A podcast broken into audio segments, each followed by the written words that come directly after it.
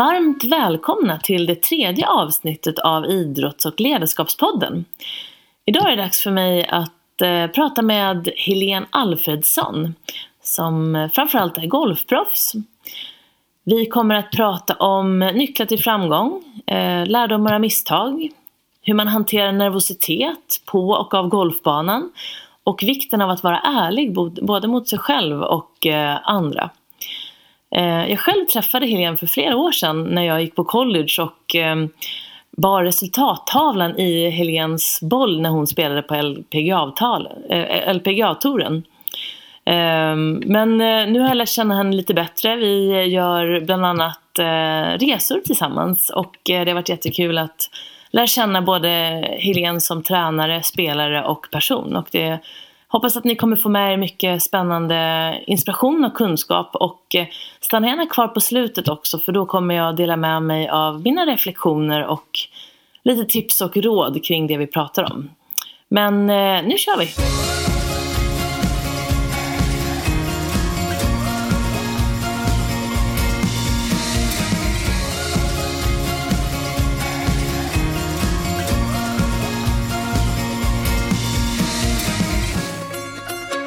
Är ni varmt välkomna till det tredje avsnittet av podcasten Idrotts och ledarskapspodden.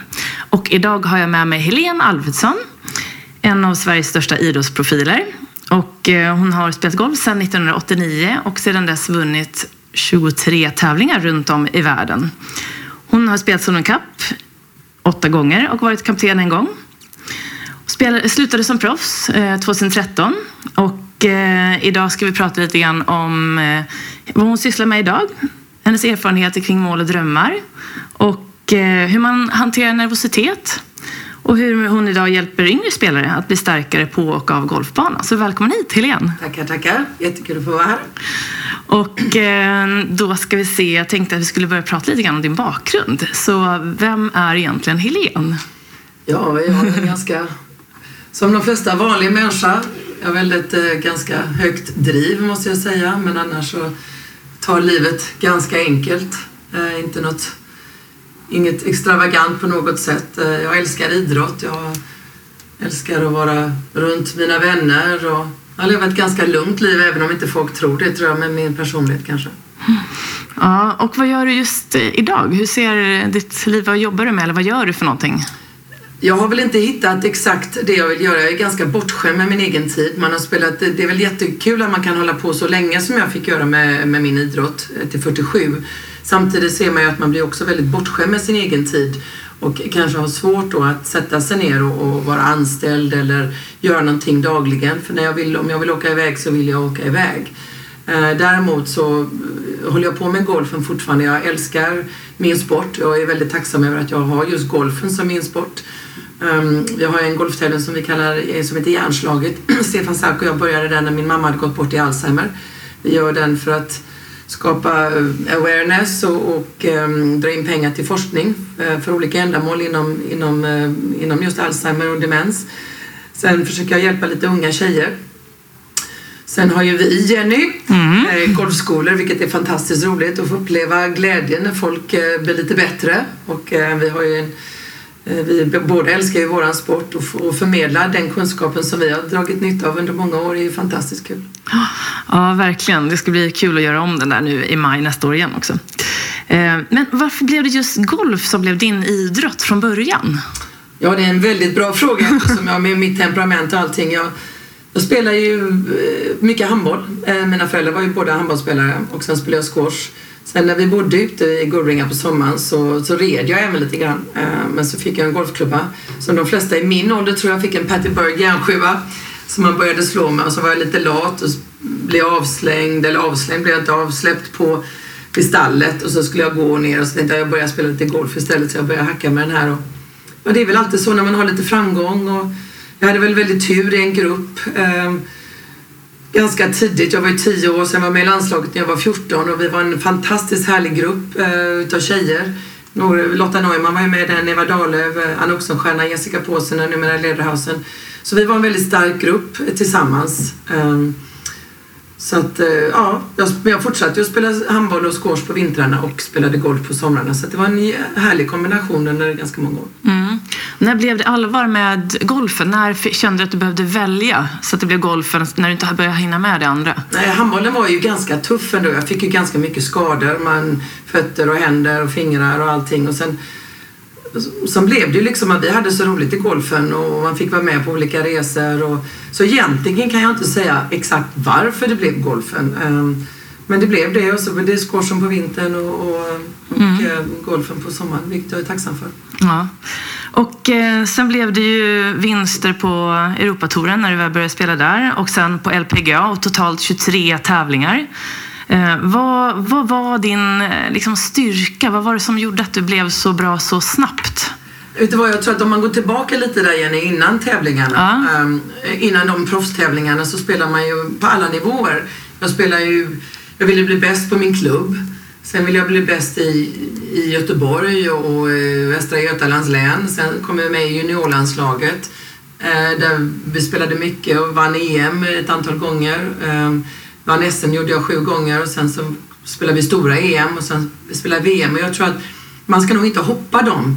Där tror jag ligger grunden till att, att eh, jag kunde vinna, kanske inte så mycket som jag borde gjort på de olika tourerna men jag tror att det är väldigt viktigt att man inte hoppar massa steg. Eh, Det är, det är Tiger, jag vet att Tiger har gjort det också, att man, ska lära, man måste lära sig att vinna. När man är ung och liten och, och liksom o- oerfaren så har man inte den rädslan på samma sätt. Det har inte hänt så mycket utan då lär man sig att vinna.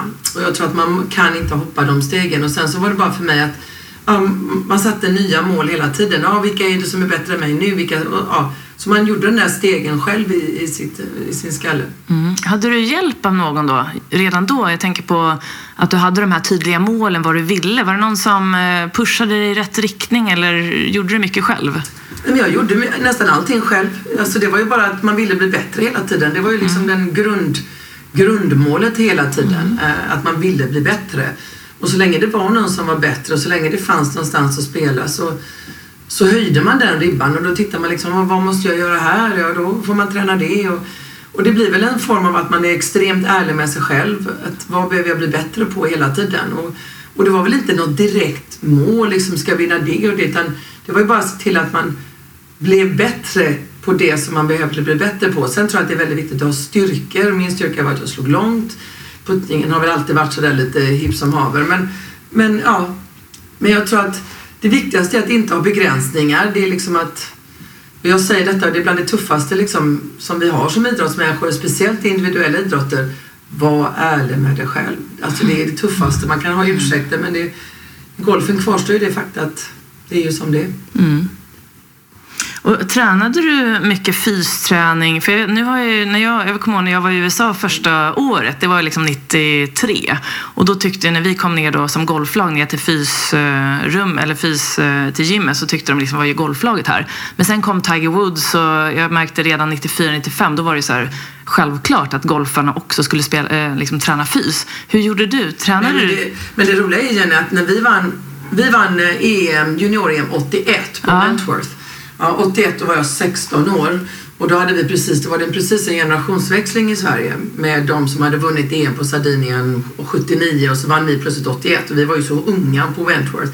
Då vet jag, då hade vi blågula träningsoveraller, VCT-overaller de var i gula som kycklingar. Vi var ute och sprang runt Wentworth och då undrade de vad vi höll på med.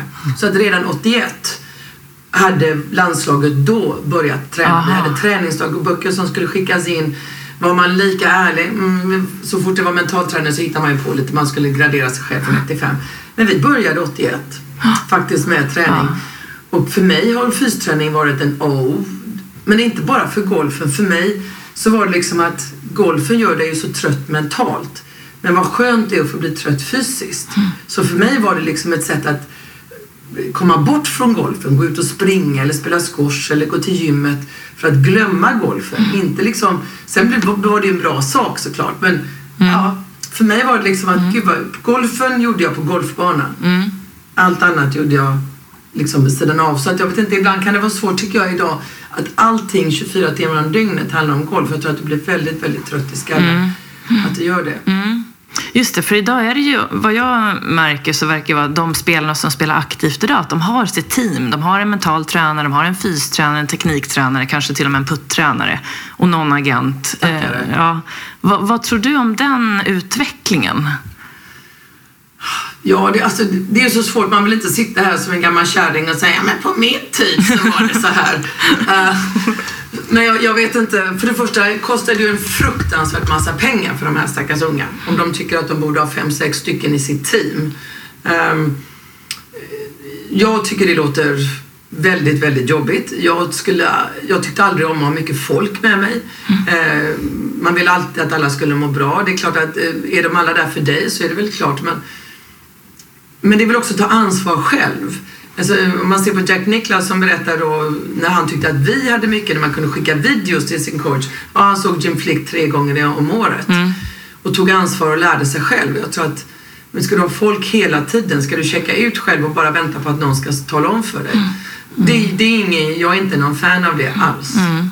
Um, jag tycker att man borde kunna fixa sig själv, kanske med ett telefonsamtal och några bra relationer.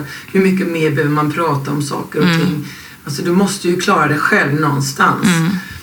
Sen tror jag att det blir en väldigt tryck på de flesta. Liksom alla vill ha ett sitt team. Eh, mm. Jag, inte, jag tycker ibland synd om de här tjejerna. Liksom, för det, det kostar så oändligt mycket pengar om alla de här ska bli betalda på mm. den nivån. Alltså, så att, eh, ja det är klart att vill de ha det så har det. Jag skulle aldrig orka med det. Jag tycker att det, är för, det har gått liksom lite för långt. Mm. Ja, nej precis. Jag tror att det är just det här att lita på vad man själv behöver. Eh, är man en person som eh, gillar att vara mer själv, då ska man lyssna på det. Och som du sa, att man ska vara ärlig mot sig själv och försöka komma på vad man själv behöver. Men vet inte, jag, jag, jag mm. tänker så här att om jag skulle ha någon med mig hela tiden, alltså någonstans så upplever jag att det är väldigt få som reflekterar idag. Om jag sitter ner och pratar med min mentaltränare och så åker jag bort. Jag menar, då har vi redan diskuterat saker. Då kan jag inte liksom koppla bort det utan det, det gäller ju liksom att lära sig hela tiden över de här diskussionerna eller böcker som man läser och ta in det. Man kan inte bara läsa dem och sen, ja nu har jag läst den boken. Mm. Vad är det man lär sig? Och det, det tror jag att kanske vi gjorde mer för det var ju inte så vanligt att man hade team på, det, på den när vi spelade. Att, mm. ja, Mm. Du fick ta väldigt mycket ansvar själv. Mm. Och som i golfen då så, så behöver du göra det. Du, du är ju det själv. Men ja, vill man bli framgångsrik så tror jag ändå att det är lite framgångsrecept. Mm. Eh, något som vi har pratat en del om det är ju nervositet mm. på golfbanan. Jag var en person som blev väldigt nervös och nästan chokade, speciellt när det gick bra. Jag kunde ju ligga 7-8 under par efter 12 hål och sen ändå komma in på några över för att då kändes det bättre. Men, eh, och då har ju du sagt några råd. Men hur hanterade du din nervositet när du väl kände att du blev det? Jag tror jag bara... Det här är ju så roligt. Vi har ju pratat det här jättemycket Jenny och jag. Och man är ju sig själv närmast liksom. Man, man fattar inte. Jag vet någon sa till mig Rotellas bok där. Jag tänkte men det här, var inte så jävla, det här var väl inget nytt. Men man vet ju inte hur någon annan tänker. Och, men den mentala biten sitter ju i skallen så att oavsett om man lär sig från någon annan så är det ju ens egna tankar som man tas med det jag kan säga är att visst fasen blir jag nervös men jag var inte rädd för att bli nervös. Um, jag tog det liksom, visst, visst mådde man illa, visst ville man spy, visst ville man gå därifrån. Men så sa man, ah, ja men, men då, jag tog in allting och sa, ah, ja men jag ska bara slå det här slaget, kunde jag säga till mig själv. Ja men det är ju bara en hjärnsexa, det, är inte, det har du gjort hundra gånger. Mm. Och då kommer lite av den här träningen man har gjort som man drar från. Att man går någonstans där man känner igen kanske just det här slaget eller mm. just det man behöver göra. Inte nervositeten och det men, men jag har ju slagit det här slaget tusen gånger. Mm. Det kan inte vara så svårt att slå det här nu. Um, och puttning och allting. Jag vet inte, jag var, jag var nog ganska duktig vad jag förstår idag. Uh, vilket jag då inte fattade det kanske. Det var att jag kunde liksom stänga av så otroligt mycket när jag väl jag tog in allting men sen så gick jag tillbaka till verkligheten. Jaha, vad är det jag ska göra? Istället för att vara rädd liksom och trycka undan allting för då går ju så mycket kraft till att bara trycka undan. Utan jag tog in det och sen så gick jag bara, nu står jag här vid bollen, vad ska jag göra? Mm. Um, men det, jag har ju, det är så svårt att förstå hur någon annan känner liksom, om kroppen känns helt annorlunda, om man inte får ihop tankarna, om det bara liksom blir, mm. om man får hjärnkramp. Mm. Och det kan jag ju se nu när, jag blir, när man blir lite äldre att när man får panik med andra saker, liksom att hjärnan kanske inte riktigt funkar så som man vill. Men jag kan inte riktigt relatera till det. För det var nog ändå min, mm. min styrka. Men jag tror att det som är det viktiga att det är att man tränar då och gör en bra förberedelse så att man har det där att dra att man känner igen vad som händer Mm. när man blir nervös. Gjorde ni någon specifik mental träning där att du fick lära dig hur du kopplar av och målbildsträning? Mål... Gjorde ni sånt på... Ja, det gjorde vi. Vi hade ju Fredrik mm. Unestål och Sander och de här. Och det var ju lite roligt för jag, jag låg där och tänkte, ja, jag hade ju hundra gånger, hundra andra tankar i huvudet för det är liksom så för, som min hjärna funkar. Och jag vet att Lotta Neumann sa liksom, hon bara, hon bara somnade. så jag tror att för mig var det liksom, jag kunde inte fejka jag var tvungen att vara där och jag vet även, jag funkar bäst under stress. I mitt vardagliga liv också. När jag har en sak att göra, åh, jag får liksom inte det gjort. Men har jag tio saker på en, du vet, då är det bara bum, bum, bum, bum, bum. Så jag vet inte, det är väl, Nej. man har väl någonting i skallen som är, och det, det vet jag inte vad det är. Men. Nej, men sen är det väl det här som du säger, när man förbered, förberedelsen kan ju ta en väldigt långt. Mm. Och sen att du har då den här unika styrkan i att vara väldigt duktig under press. Det är Jag ju tror att man fantastiskt. bli, man blir ju fast när man blir rädd. Mm. Då, blir ju, då, då fastnar du där. Det blir som att du har svårt att ta bort de tankarna från din rädsla Mm. och liksom lägga då tankarna på någonting som är produktivt där Mm. du kan dra erfarenheter ifrån. Eh, Och det är ju det som är det jobbigaste när man blir rädd. Det, är ju, Mm. det är ju där allting... Det, när du är rädd, det är då paniken är. Men många blir ju rädd men ändå så gör Mm. de som är starka då eller som, som vågar gå igenom Mm. rädslan. Men så är ju livet överhuvudtaget. Vissa hamnar kvar i en liten värld där de aldrig vågar utmana sig själva. Mm. För de, de tycker det är jobbigt. Men varje gång du gör någonting nytt så är det ju en rädsla som Mm. först sätter in innan du har testat det och så inser att det här var inte så farligt. Mm. Nej, och jag tog verkligen till mig just det där att, och det kon- just att när jag blev nervös hade jag bara accepterat. Okej, nu är jag nervös. Mm. Det känns så här. Vad skönt, då får jag träna på att, att, hur det känns att vara nervös. Eller bara liksom accepterat det. Istället för på den tiden var det verkligen så att jag bara sköt bort det, sköt bort det. Sen kunde jag ändå vinna vissa tävlingar för att jag hade tränat så mycket och gjort det så många gånger. Men hade jag fått in det där också, så det kom, och det fick ju jag ju Alltså det där var ju första gången jag hörde det var ju två år sedan. Acceptera din nervositet. Ja, ja, men det är ju Så så, det- med allting. Man accepterar att man inte kan. Man accepterar liksom i, vill du bli bra där? Jag kan inte det här, nej. Och jag kan inte det, men kan jag göra någonting åt det? Ja. Alltså det, alltså det är ju hela tiden, och i golfen, herregud, det, den inre dialogen man har med sig själv är ju helt fantastisk. Men den måste ju liksom ändå vara på väg framåt liksom och, och inte bli fast och liksom få panik. Jag menar, visst, ju äldre jag blev, då när jag vann Evian 2008, herregud, jag tänkte jag behöver inte ha den här skiten. Jag behöver inte, jag är alldeles för gammal. Jag, varför ska jag gå här och må så här dåligt? Och tänka, ah, ja, men jag, ger mig, jag ger väl mig iväg ut då liksom. Ja, men alltså det, det är klart att alla har ju det. Alla tror att de som är bäst aldrig känner någonting. Det är klart att alla mår dåligt. ja, men det är ju, det, Ja. Så är det ju.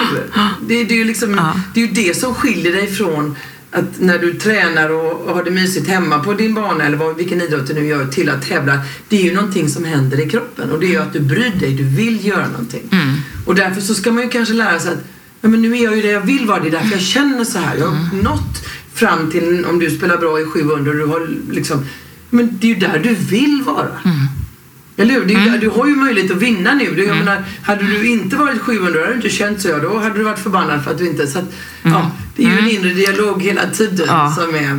Ja, exakt. Och apropå nervositet så kommer jag att tänka på just Solheim Cup som du har spelat åtta gånger. Och det är ju en lagtävling kontra då golfen som generellt annars är väldigt individuell. Man spelar själv. Eh, vad var den största skillnaden tyckte du att spela i lag eh, mot att spela själv? Det var ju känslan om att man var där. Alltså Solheim Cup, det ser man ju nu på senaste Ryder Cup som var här också. Att vi sa att det är fasen kan man inte spela så här när man spelar normalt. För det första är det ju slagspel, eller matchspel som då i, i Solheim Cup. Det är inte, slagspel spelar vi ju normalt sett. Um, sen tror jag det är så här att man, ja det är ju ändå 11 spelare som man spelar mot. Man vill inte vara den som gör bort sig. Det är ju en grej. Sen är det så otroligt, liksom, man, är, man är plötsligt inte själv. Man kommer in och någon har spelat bra och man liksom firar tillsammans. Liksom, man känner att man är en grupp. Eh, och det är en otrolig känsla. Men det som får oss tillsammans under den veckan det är att vi vill vinna. Man vill slå USA till exempel. Va? Ehm, m- men det som kvarstår det är ju det att det som är med individuell idrott är att om man litar på alla att alla gör sitt jobb för det är man van vid varje dag ändå. Att man går ut, man gör sitt. Men att när man spelar foursome eller baseball tillsammans, man ger varandra high five eller alltså, alla har ju, det är ju en känsla av att det blir dubbel glädje när det går bra. Och den känslan som man har fått när man har vunnit Solen Cup har ju varit helt oändligt härlig. Som en, som en extra grädde på moset liksom eftersom vi aldrig... Man är ju oftast själv den som är närmast sörjande när man vinner liksom. Det är ingen annan som är glad då. Ja. För de andra har ju blivit slagna liksom. Ja. Ja. Men eh, vad tror du är det viktigaste som ett lag bör fokusera på för att lyckas? För du, du var ju kapten också ett, Mm. eh, 2007. Vad, eh, hur tänkte du då? Liksom? Jag tänker som, nu ska jag driva det här laget till att vinna. Det jag, ja, vi hade ju tyvärr en eh, som inte liksom riktigt passade in. Och, ja, det, det blev liksom ett orosmoment med den henne. Jag ska inte skylla ifrån mig överhuvudtaget. Men det jag kände eh, när man har att göra med Laura Davis till exempel var att den veckan så måste alla få vara den de är. Att inte ha för mycket regler, att inte folk ska få anpassa sig för mycket, att gå ifrån det som är deras normala. Om någon inte vill ha frukost så ska de inte behöva, det är inte så att nu ska vi alla ses, nu ska vi alla göra det, utan låt alla, okej middagar käkar vi tillsammans. Vill folk slå, jag tror inte i, en, i våran idrott så kan man inte gå in och ställa, och det är ju ändå bara en vecka man har med dem att göra. Så det viktigaste för mig, som jag gjorde när, som förberedelse, det var att Okej, vilka, som de alla gör, vilka vill du spela med? Liksom, tycker du om att spela tidigt eller sent? När behöver man dem? Eh, Vilka rutiner har de? Är det någonting som du vill ha speciell hjälp med under veckan? Är det någonting du vill ha? Ja, för att göra liksom det lättare. För alla vet ju vad de normalt gör. Jag kan inte gå in och styra och ställa eh, för mycket. Det var, det var liksom lite min filosofi. Och sen försöka para ihop människor som trivdes ihop, där de fick bra energi tillsammans och kände sig trygga. Fanns det någon mental förberedelse? Jag läste någonstans eh, att eh, Ryder Cup-laget hade gjort så att vissa ställde sig på ettan liksom för att förbereda hur det skulle kännas. Till exempel nu när Europa är i USA och spelar och alla står och buar. Att man liksom står där och in, liksom får träna på hur det känns. Eller om man går till 18 hålet för att känna, känna hur det känns när man har vunnit. Att man försöker visualisera vinsten. Hade du någon sån... Gjorde ni något Nej, sånt? Jag, nej, hade ingen, jag hade ju bara jag hade en som var rookie mer eller mindre. Annars så var vi ju ganska många som hade varit med så otroligt, Ja. så otroligt mycket. Så att vi, vi kom bara tillsammans och ja, försökte ha roligt och roliga saker, några presenter till tjejerna och ja, bara se till att alla mådde bra. Eh, Jag är inte så mycket för det där att jag visualiserar. Jag tror att det är väldigt svårt. Och, det är klart att de hade gjort det, men jag, jag var mer sån att om alla är bekväma, folk är med de vill vara med och sen får de... Och sen kör vi bara. Mm. För jag menar, eftersom man har spelat själv så många gånger så vet jag ju vad som funkade. Och vi har ju haft så otroligt många kaptener. De som skulle styra och ställa för mycket blev aldrig bra. Nej. Nej. Nej, du hade ju lång erfarenhet innan du var kapten också av flera tävlingar att vara med som spelare. Mm. Ja, ja, ja. Vi hade ju eh, speciellt en då som hade varit spelare. Liksom, hon hade ju inte gjort förberedelser med någonting. Men liksom, jag menar, hon visste vad, vi visste ju vad vi skulle göra. Mm. Och ju mer hon skulle gräva i någonting, så vad skulle hon göra det för? Liksom? Mm, Vi, vet, vi hade ju varit där och många av oss hade ju vunnit tidigare också. Så att, Mm, just det. Mm. Eh, när det gäller eh, lärdomar liksom från din idrott in i livet, eh, vad har du tagit med dig från golfen? Nu, du slutade ju spela aktivt kan man säga 2013. Så vad har du liksom tagit med dig idag från, som du ser? Ja, att det är Från golfen. språket man har där funkar inte i riktiga livet. Han är alldeles för rak, har jag insett. Eh, Jag fått, eh, man, får väl inte säga, man får väl säga förlåt några gånger. Eh, Kanske för att man säger saker som man... Ja, för jag tycker liksom, det var som när vi gjorde Mästarnas mästare inspelningar här nu så var det en som heter Rickard som sa men är det dåligt så är det dåligt, är det bra så är det bra. Ja, det tycker vi nog de flesta för vi har inte tid liksom att gå runt problemet utan man går rakt på det. Och, eh, och det inser jag väl att ja, man kan inte alltid säga så utan så ska man säga någonting som inte är jättebra så får man verkligen gå runt det på något annat. Men så, och det är väl, ja men nu är man 50 så nu kommer man undan lite mer med det. Men, men framförallt så fortsätter liksom att man tittar på sig själv först. Kan jag göra någonting i den här situationen? Ärligheten. Eh, jag har poängterat det massa gånger men jag tror fortfarande väldigt mycket på det. Samtidigt så, ja, som golfen är ju, lär man ju sig väldigt tidigt artigheten gentemot andra människor och liksom vad vill andra människor, hur upplever andra människor saker och ting. Och, Ja, man inser att det inte bara är ett sätt att göra på det och det lär man ju sig hela tiden. De diskussioner du och jag har haft Jenny, liksom just hur man, som den mentala biten, den har ju, min värld har ju varit min värld. Mm. Och då inser man ju att den är inte alls någon annans värld. Mm. Eh, och det lär man väl sig också i hur olika människor ser på saker och mm. hur, de, hur, hur de agerar och hur man vill tas med. Mm. Så det är konstant lärdom. Mm. Så, men efter dina framgångar och erfarenheter då, från att lyckas nå dina mål, för det har du ju verkligen gjort, eh, framförallt inom golfen, men också annars. Och, eh, nu, vi satt och pratade lite grann tidigare också om det här med eh, ledarskap, om man tänker hur chefer agerar. Vad tror du att man kan ta med sig från eh, idrotten in i näringslivet? Om du nu säger att du skulle bli chef, vad, vad tror du är nycklar till framgång för att lyckas inom företagsvärlden? Jag tror, alltså, jag satt i styrelsen på LPGA i tre år och vi satt i typiskt egentligen att man satt i den mest turbulenta tiden med Caroline Bivens som tog touren när vi trodde att den var liksom att man inte kunde skälpa den. Inom ett år så kunde vi inte ens prata med folk som hade varit eh, delaktiga i touren och tävlingar på i 20 år kanske. Till att vi valde Mike Warren som fortfarande är vår ledare. Den största skillnaden med honom um, och henne Eh, det är att extremt transparent. Det, det pratade han om väldigt, väldigt mycket. Eh, han, och ingen känner sig rädd. Alla dörrar är öppna eh, på LPGA nu. Alla pratar med varandra. Till och med hon som sitter som tar emot alla samtal, receptionisten, är delaktig. Givetvis till en viss del. Du kan inte vara delaktig i allting. Men jag tror att det är ganska... Jag tror inte att vi är så mycket för att man ska rule by fear eller av rädsla. Um, sen tror jag att ja, du måste vara ganska konkret. Eh, jag tror att du får mest respekt och det vet jag och det vet ju säkert du också Jenny med, med ledare. Man har haft de som är raka och ärliga. Vi pratar om det här väldigt mycket men Visst kan det vara jobbigt att höra sanningen ibland men om, om den är konsistent, om man vet hur man ska rätta sig. Man gör en sak idag så är den lika bra imorgon. Och just det här att gör man en sak idag och så imorgon skulle man gjort någonting annat. Det, bara för att du har en ledare som liksom ändrar sig och är väldigt sådär det, jag tror att det är de viktigaste sakerna. Att du har en ledare som vågar vara stark. Och jag pratade med en, en, en farbror som bodde i New York och han sa att det viktigaste var att han såg till om någon inte tyckte om någonting att man tog dem på en snabb lunch bara och liksom diskuterade vad det var. Men som chef att du tar de slutgiltiga besluten hela tiden. Mm.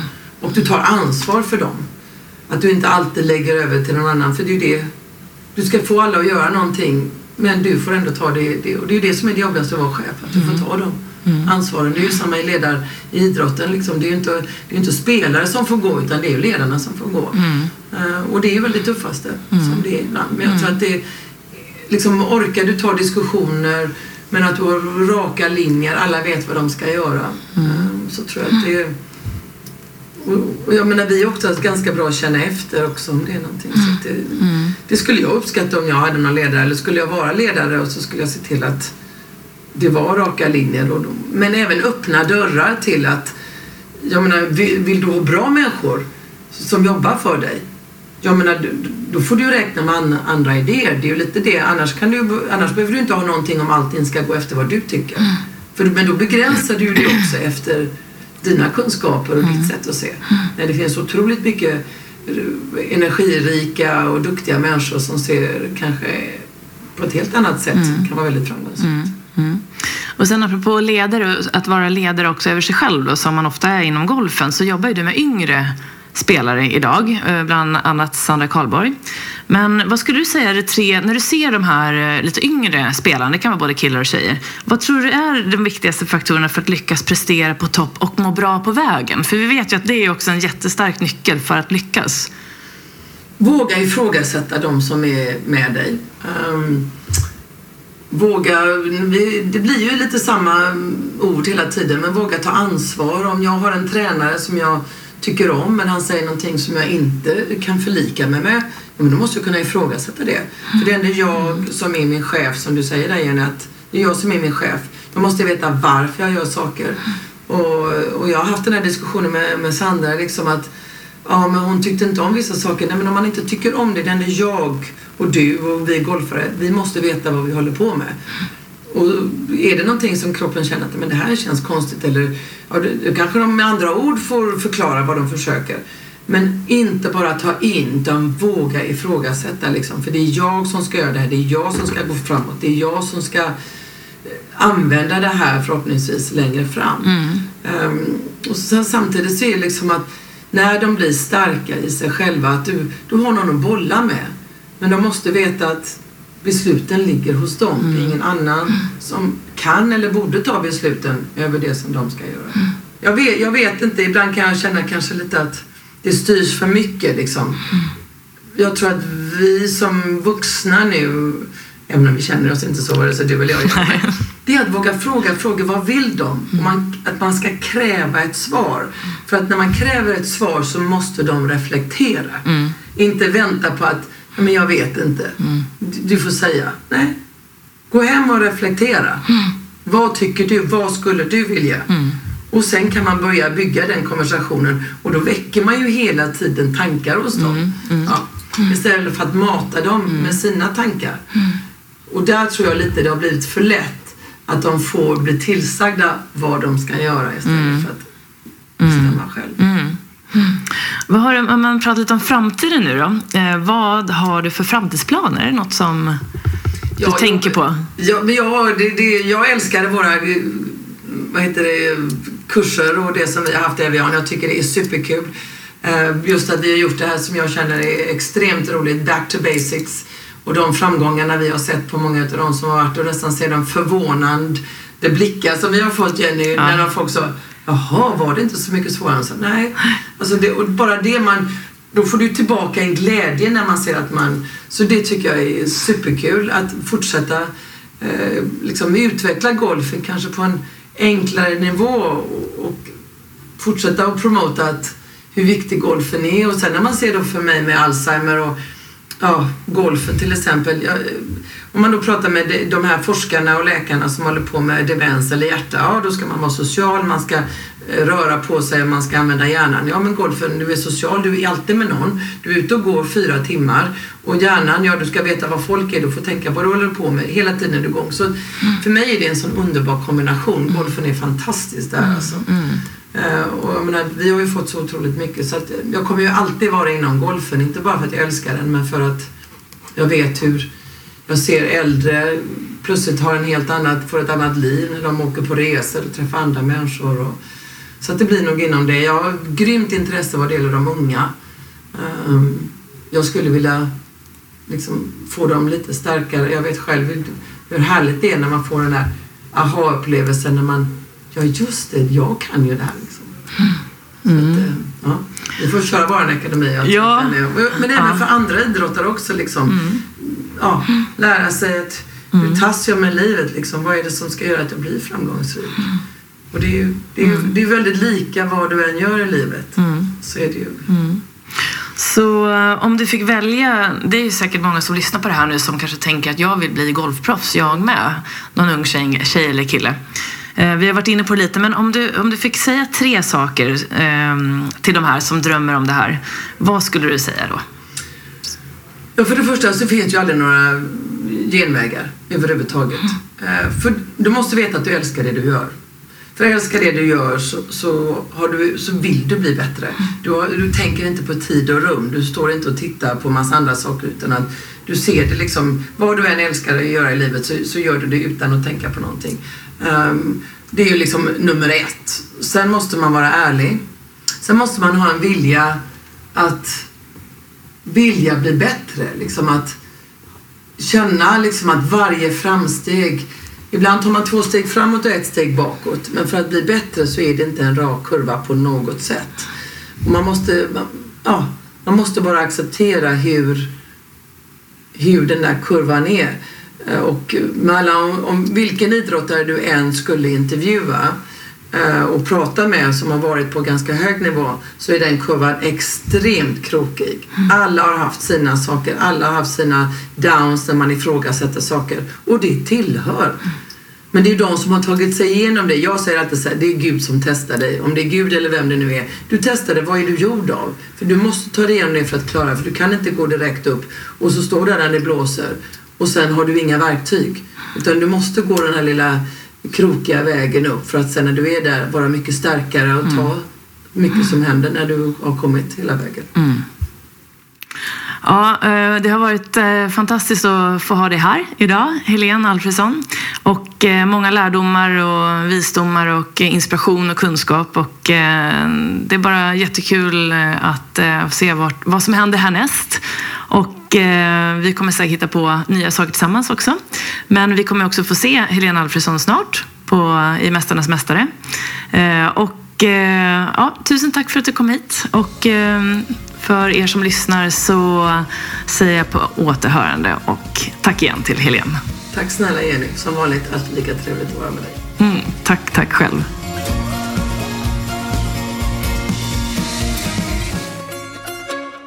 Då har vi lyssnat på samtalet med Helene Alfredsson. Och eh, ja, jag tar med mig många saker men eh, jag tycker vi hade väldigt intressanta samtal. Många ämnen dök upp. Det som eh, jag tänker på är dels att eh, det här att vara en, ledare, vara en bra ledare. Och eh, det kom fram tre saker och det är att det är viktigt att vara transparent, konkret, tydlig alltså, och konsekvent.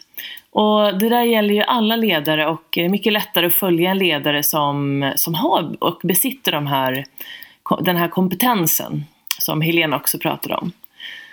Och sen tar jag med mig det här med att eh, det här med hur viktig eh, ärlighet är, men inte bara mot andra men också mot sig själv. Att man vågar ifrågasätta vad man håller på med, vart man är på väg, att man stannar upp och reflekterar. Då och då. För att eh, kunna fortsätta på sin resa framåt. Och sen hur hanterar man sin nervositet? Ja, många blir ju nervösa både på och av golfbanan och eh, här gäller det då att helt enkelt acceptera att man är nervös. Sen finns det många verktyg man kan jobba med, bland annat mental träning för att överkomma och överbrygga hindret ordentligt. Men att börja acceptera att man är nervös är en bra start. Och sen avslutningsvis så vill jag slå ett slag för golfen för eh, de äldre med tanke på det Helena också jobbar med eh, eh, med, med hjärnslaget och forskningen kring Alzheimer och demens, att man ser så tydligt att golfen har positiva effekter för de som redan har symptom, men också i förebyggande syfte. Då golfen både är social, men den tränar också både hjärnan och kroppen. Så jag hoppas att eh, fler och fler kommer att fortsätta spela golf helt enkelt. Tack så jättemycket för att ni har lyssnat idag och eh, nästa gång är det dags för mig att träffa Emma Gren och Camilla Kanlin. Så jag hoppas att ni är med även nästa gång. På återhörande och eh, ta hand om er. Ha det bra!